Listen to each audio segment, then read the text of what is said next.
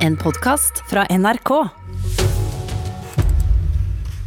Klokken er altså litt over kvart over åtte. Det er fredag, og for den som legger sammen to og to, så vil de vite at det er tid for fredagspanel. Velkommen, Kai Hanno Schwint, førsteamanuensis og medieviter ved Høgskolen Kristiania. Hei, hallo. Du er ganske ny her i Fredagspanelet. Hva forsker du på? Eh, Jeg forsker akkurat nå veldig mye på humor, altså medialisering av humor. Eh, Skrev nettopp en bok om Friends, TV-serien. Eh, Hvorfor har det blitt så stor suksess, og sånne ting. Og så er du en av kreftene bak podkasten Tyskerne.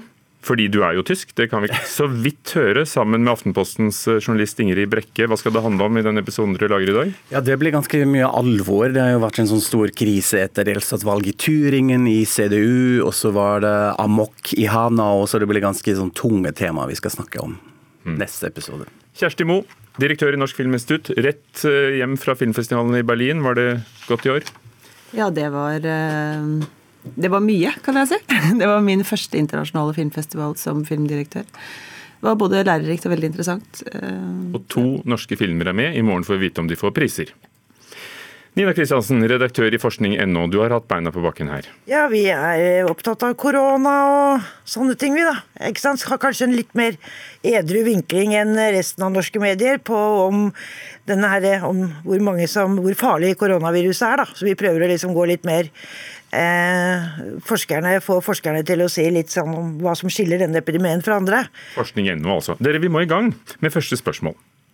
Stortingspolitiker Silje Hjemdal fra Fremskrittspartiet synes det er hårreisende at offentlige midler støtter kunstnere som i kunsten sin da bruker kroppsvæsker eller viser kjønnsorganer. Så lenge det gjelder skattebetalernes penger, og dette skal gå til kunstuttrykk, så må det også være lov å stille spørsmål med om dette er en fornuftig bruk av pengene. Det er helt forferdelig. Det, for det første så handler jo denne forestillingen Glory Hall ikke om uh, penisen min, men det handler jo om kjærlighet. Hele poenget er at kunsten skal være fri. Vi politikere skal ikke fengsle kunsten. Kulturminister Abid Raja, og så hørte vi koreograf Ulf Nilseng i midten der. Kan politikere blande seg i hvilken kunst vi bruker penger på, Kjersti Mo? eh, ikke hva vi bruker penger på, men jeg tenker at det må være lov å stille spørsmål. Ja, det kan man jo gjøre. Nina Kristiansen, Nei. Kai Hanno Schwint. Tja, de kan ha mene ting, men de kan ikke bestemme hva vi skal bruke penger på. Men de kan jo egentlig det ved å innrette politikken, kan de ikke det? De kan jo gi budsjettene. ikke sant? De bestemmer jo budsjettene, hvor mye det skal brukes, men ikke hva det skal brukes på. Men hele grunnlaget for å ha en kulturpolitikk, bruke penger på, på kunst, er jo eh, å ut, også å utvikle oss som mennesker og som nasjon. Sånn at eh, det at eh, jeg grunnprinsippet er at kunsten er fri, det tenker jeg er viktig. Men jeg det er egentlig fint å ha diskusjoner om disse prinsippene, for dette handler om ytringsfrihet og, og mm, kunsten og kulturens plass i samfunnet og mm, viktigheten av å ha den type brytninger. Så når hun sier at det må være lov å stille spørsmål, så tenker jeg ja, det er lov. Eh, Men det er viktig at prinsippet er, er tydelig. Da. Ja, Så må man jo også se litt på kriteriene, altså hva slags argumentasjonstilnærming en har. Med en gang man kommer med sånn, både en sånn smakstilnærming eller en moralistisk ståsted, så ja, den meningen kan du ha, men hvis det da skal være grunnlag til pengestøtte, så blir det litt vanskelig. Vi må jo fremme også de sare kunsttyper, kunstformer osv. Og, og jeg vil ikke bare se hvordan eh, norsk kulturliv ser ut hvis eh, Frp bestemmer litt sånn Vi skal Frp programmere. Jeg, jeg var inne på FrPs partiprogram i går. Og så hva, er, hva sier kulturpolitikken til Frp? Og den sier jo veldig tydelig at politikken ikke skal styre kunsten. Så, så dette her er jo det denne politikeren spiller ut, er jo ikke i tråd med FrPs kulturpolitikk. Så, men altså dette her har jo vi, vi har jo hørt dette her så mange ganger før. ikke sant? Kjønnsorganer, nakenhet, umoral. Det, ikke sant? Altså, Frognerparken ryker jo hvis du ikke skal vise kjønnsorganer. Det er, og det er mye rart som forsvinner hvis vi ikke skal kunne vise nakenhet. Og dette her er jo liksom noe med den der gamle syndige kroppen og veldig sånn gamle tanker, da. Eh, Så det er veldig eh, skremmende, men heldigvis ikke så eh, vanlig å mene sånne ting lenger. Fikenbladenes tid er ikke forbi. Ja, um, Politikerne ønsker seg jo en folkejury som skal velge i stedet for Kulturrådets uh, komiteer osv. Um, men Kulturrådet deler ut 1,3 milliarder kroner, det er, mye, det er, mye, penger. Så det spørs om det ikke liksom blir plass til litt kroppsvæsker og kjønnsorganer uh, likevel. Mm. Og Hvis du ser på, på si, det som man kanskje kunne tenke er mer folkelig uttrykk, da, som den figurative malerkunsten og den nerdrum osv., så, videre, så er det mye kroppsvæsker og kjønnsorganer der også. Så jeg tenker at det, den der puritanistiske angsten for nakenhet og avføring, holdt jeg på å si, den, den tror jeg ikke, vi kommer ikke utenom den slags, da. Nei. Vi gjør ikke det. Samtidig blir jeg også alltid litt oppgitt når vi i 2020 sitter her og diskuterer om det er lov med kjønnsorganer på scener, og om man skal lage en hyllest til glory hall og sånn. Pikk provoserer. Ja, det gjør det jo fortsatt, men det er også en sånn påminnelse på at vi må være litt smartere nå om disse debattene om hva kunst er, og vi er i et etiske klima hvor det er så moralistisk. Både også fra woke-kulturen på den ene siden og på den andre siden, at vi bare bedømmer kunst utelukket etter om den er moralistisk riktig eller god, og det må vi komme oss litt videre fra. Men vi har jo kommet oss videre. Altså, hun, er jo ganske, hun er jo ganske enestående, denne Frp-politikeren. Altså, til og med Kristelig Folkeparti har jo blitt veldig tamme i disse spørsmålene. Så det er jo kanskje bra da, at vi har en sånn som kommer opp med den der mm. gamle prutatistiske ånden. Sånn hun sier ikke at vi ikke skal ha det, hun sier bare at vi ikke skal bruke skattepenger på det. Ja, men i praksis så vil jo det være det samme uh, i mange tilfeller, da. Ytringsfrihet, ja. Wikileaks-grunnlegger Julian Assange har sittet i retten i London denne uken. Der har det foregått høringer om hvorvidt Storbritannia skal utlevere ham til USA. Dette er nå satt på vent, det ble kjent i går, til ute i mai en gang. Så vanskelig er det. Det har vært demonstrasjoner rundt omkring i London til støtte for ham. Han risikerer 175 år i fengsel på papiret for spionasje i USA. En av dem som har engasjert seg, er dommer Eva Jolie, som vi hørte i Nyhetsmorgen. Fordi hittil så har ingen i Europa blitt dømt for å ha publisert ting som er sanne og viktige. Det er ikke amerikanerne som skal bestemme hva man kan skrive i europeisk presse. Julian Assange, helt eller skurk? Ikke så glad i de begrepene, men, Nei, men bruke hvis man ser på alle de involverte her, er han. Helt. Helt. Kai Hanno Schwint. Ja, fordi det, altså det som, som, er interessant når man går litt tilbake, hva som egentlig skjedde, hva avslørende var, så er det jo ganske alvorlige lovbrudd uh, om krigsforbrytelser, korrupsjon osv. som Assange og Wikileaks avslørte. Uh, og da uh, tenker jeg at dette på en måte uh, posisjonerer han som den viktige personen som han er, og som den betydning som han er. Og så har det vært layers med voldtekt og mye annet. altså anklager om voldtekt? Anklagen om voldtekt og så videre. Så det som er interessant, og som er liksom vanskelig å følge med, at altså, han har nå anklaget fra tre ulike land med på en måte tre ulike rettssystemer som han, han og vi må forholde oss til. så dette er, krever en litt mer sånn nyansert måte også å presentere disse sakene. Eh, så ehm, ja. ja. Nina Kristiansen. Han er en helt som har gjort skurketing. Eller heller det at han er en skurk som har gjort helteting. Men det han gjorde da, var at han avslørte ting om Afghanistan, og det trykte norske medier. Eh, og så gjorde han skurketing som eh, anklages for voldtekt, vi veit jo ikke.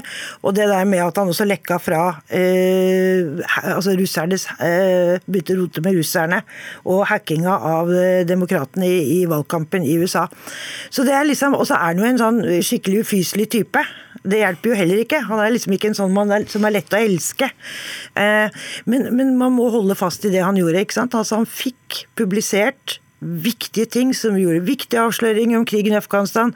og Det er helteaktig, og det har norske medier trykka. Og da er det jo bra at vi må støtte den og men det om han er sånn eller sånn som type, det er jo pga. det bildet som blir skapt av ham. Det er jo veldig få som har håndhils på ham. Mm. Uh, Men han gir jo intervjuer, da. Eh, ikke sant? Og det er jo for lenge siden også. Men det er klart at hva er medieskapt ikke. Man mister jo helt sånn ja. Eh, man aner jo ikke egentlig lenger. Men det er jo også det hvor man må være litt presis. Altså denne medialiseringen av Assange, dette mm. spiller jo inn i kortene til USA osv. Mm. At man har den sleske, rare fyren på balkongen med skjegg og sånn. Mm. Det hjelper jo, men det er akkurat det vi må se forbi òg. Ja da, men han ga jo intervjuer før eh, han ble ikke i uh, eksil i ambassaden også. Og han har jo vært en sånn arrogant type. Og det er jo kanskje derfor han også har publisert disse tinga. Hever seg litt over regla. Kjersti Moe. Det er akkurat dette at det er sånn det er så vanskelig for han til å passe inn i det vi tenker er et liksom heltebilde. Eh, men jeg er enig med Nina om å gå, liksom, gå tilbake til det prinsipielle valget om å, eh, om å avsløre eh, overgrep under krigen. Eh, som, som eh, som selvfølgelig oppleves som eh, å sette folk i fare eh, fra det amerikanske eh, perspektivet. Det er jo det de egentlig snakker om. Hvordan Han avslørte da menneskerettighetsbrudd fra ja. USA i krigene ja. i Afghanistan og Irak. Og det vil jo helst de holde Og de argumenterer jo da med at det er å sette soldatenes liv i fare osv. Og, så og det kan man jo også forstå. Men vi må jo prøve å bli litt mer avanserte som mennesker. At vi ikke har helt sort-hvitt, og at gode mennesker gjør gale ting, og vice versa. Men så er det sort-hvitt om man skal utleveres eller ikke? Ja, det er det. Mm. Men så er det jo også argumentasjonen til forsvaret til Assange at han kom ikke til å få en rettferdig rettssak. Risikerer tortur osv. nettopp pga. den rammen òg. Så det er jo også noe å tenke på. det. Hjem igjen, som det heter. Hver gang eh, noen kommer med en selvbiografi, eller veldig ofte, eller en biografi, så hender det at det blir eh, litt av en hurlumhei, fordi folk føler seg uttenkt, eh, brudd på privatlivets fred, eller til og med injurierte. Denne uken, som et svar på dette, lanserte fagbokforfatternes egen forening en etisk sjekkliste for forfattere og redaktører av sakprosa, som f.eks. Tuva Ørbekk Sørheim hos Kagge Forlag også noen av punktene her tenker jeg at den blir vel detaljert og nesten litt sånn frøkenaktig. Nesten litt sånn skolestil. F.eks.: Hvilket inntrykk skaper form, ordvalg og innhold til sammen? Hvordan beskrives personene som omtales nøytralt, positivt, negativt? Men hvis vi bare ser på det som et utgangspunkt for etisk refleksjon, ja, så er jeg ganske positiv. Holder denne etiske sjekklisten for å unngå anklager om nye brudd på privatlivets fred og fornærmelser? Kjersti Moe? Bruk presseetikken, sier jeg. Nina Kristiansen? Eh, nei, det vil jo ikke holde helt i mål. Kanskje. Nei, det holder ikke. Men bør det holde? Skal ikke bøkene kunne være litt dristigere enn kanskje en pyntelig avis som styres etter Vær varsom-plakaten? Ja, altså Vær varsom-plakaten er jo kjempegod, så den hadde jo holdt i massevis. Men så er det jo det at det, det, den gjelder jo egentlig Den gjelder for noe av fagprosaen, kanskje, men ikke for alt. Og i hvert fall ikke for skjønnlitteraturen. Og så får du alle disse her folka som er krenka, eller uh, med rette eller urette. Jeg tenker jo det at hvis det er en sjekkliste, så er det bra. Forlagene ser ikke ut som de gjør jobben sin, da, hvis du trenger denne sjekklista for forfattere. Så da er det bra at liksom, du kan bruke den til å tenke. Hadde det vært et regelverk, så hadde jeg blitt veldig skeptisk. Men det er jo en sjekkliste. Det er fint. Får opp i noen etiske diskusjoner. Ja, For du ville hatt det som i, i media, du? Altså, jeg tror man skal holde skjønnlitteraturen helt klart utenfor, for der er vi over eh, på kunst. Det har vi akkurat snakka om. Eh, jeg tror um, Det er jo et eller annet med den bevisstheten som Når du skal fremstille noe som sant, da. Ikke sant? Og alle, det som er hele poenget med biografier, biografier osv., er jo at man fremstiller sin historie. Det vil jo likevel ha en klar verdi å ha et um, en bevissthet om at den, din historie har en uh, annen side hos andre mennesker. Eh, og det har vi veldig sånn Jeg har jo vært redaktør i 15 år, så derfor så har jeg jo kanskje et litt uh, aktivt forhold til dette, da. jeg har også vært redaktør for sakprosa, en biografi, hvor jeg brøvde, hadde presseetikken med meg inn og prøvde å styre etter det. Det er ganske vanskelig. Måtte stryke noen linjer, da, tenker jeg. ja, men vi gjorde også et arbeid også med å snakke med de som var omtalt. Og det tenker jeg er faktisk et godt poeng, for du kan jo bruke rettsvesenet i dag til å forfølge brudd på privatlivets fred osv. Men det å snakke med de som omtales, det er faktisk et ganske viktig poeng, og det gjør ikke boka dårligere. Jeg syns det virker litt klønete og litt sånn flink pikete å fremme denne sjekklista. Jeg har liksom forventet at dette er liksom på plass fra før i debattene. Kanskje jeg er litt naiv, eh, men at man har Vær varsom-plakaten som burde holde til, til, dette. Samtidig som man også ikke man må ikke glemme at eh, PKU er ikke en domstol heller. Altså Dette er en, en guide, men det blir nok vurdert case by case. tenker jeg. I humoren da, Blir folk hengt ut der litt sånn urettmessig noen ganger? Ja, absolutt. Det skjer jo hele tida. Uh, også, hvor man også peker peker på Vær varsom-plakaten, uh, egentlig. Og så har det tydelige lover om krenkelse osv. Har vi hengt ut noen nå som vi ikke burde? Oss selv, kanskje? vi håper det. Takk skal dere ha. Kjersti Moe, Nina Kristiansen, Kai Handelsvindt ukens fredagspanel i Nyhetsmorgen.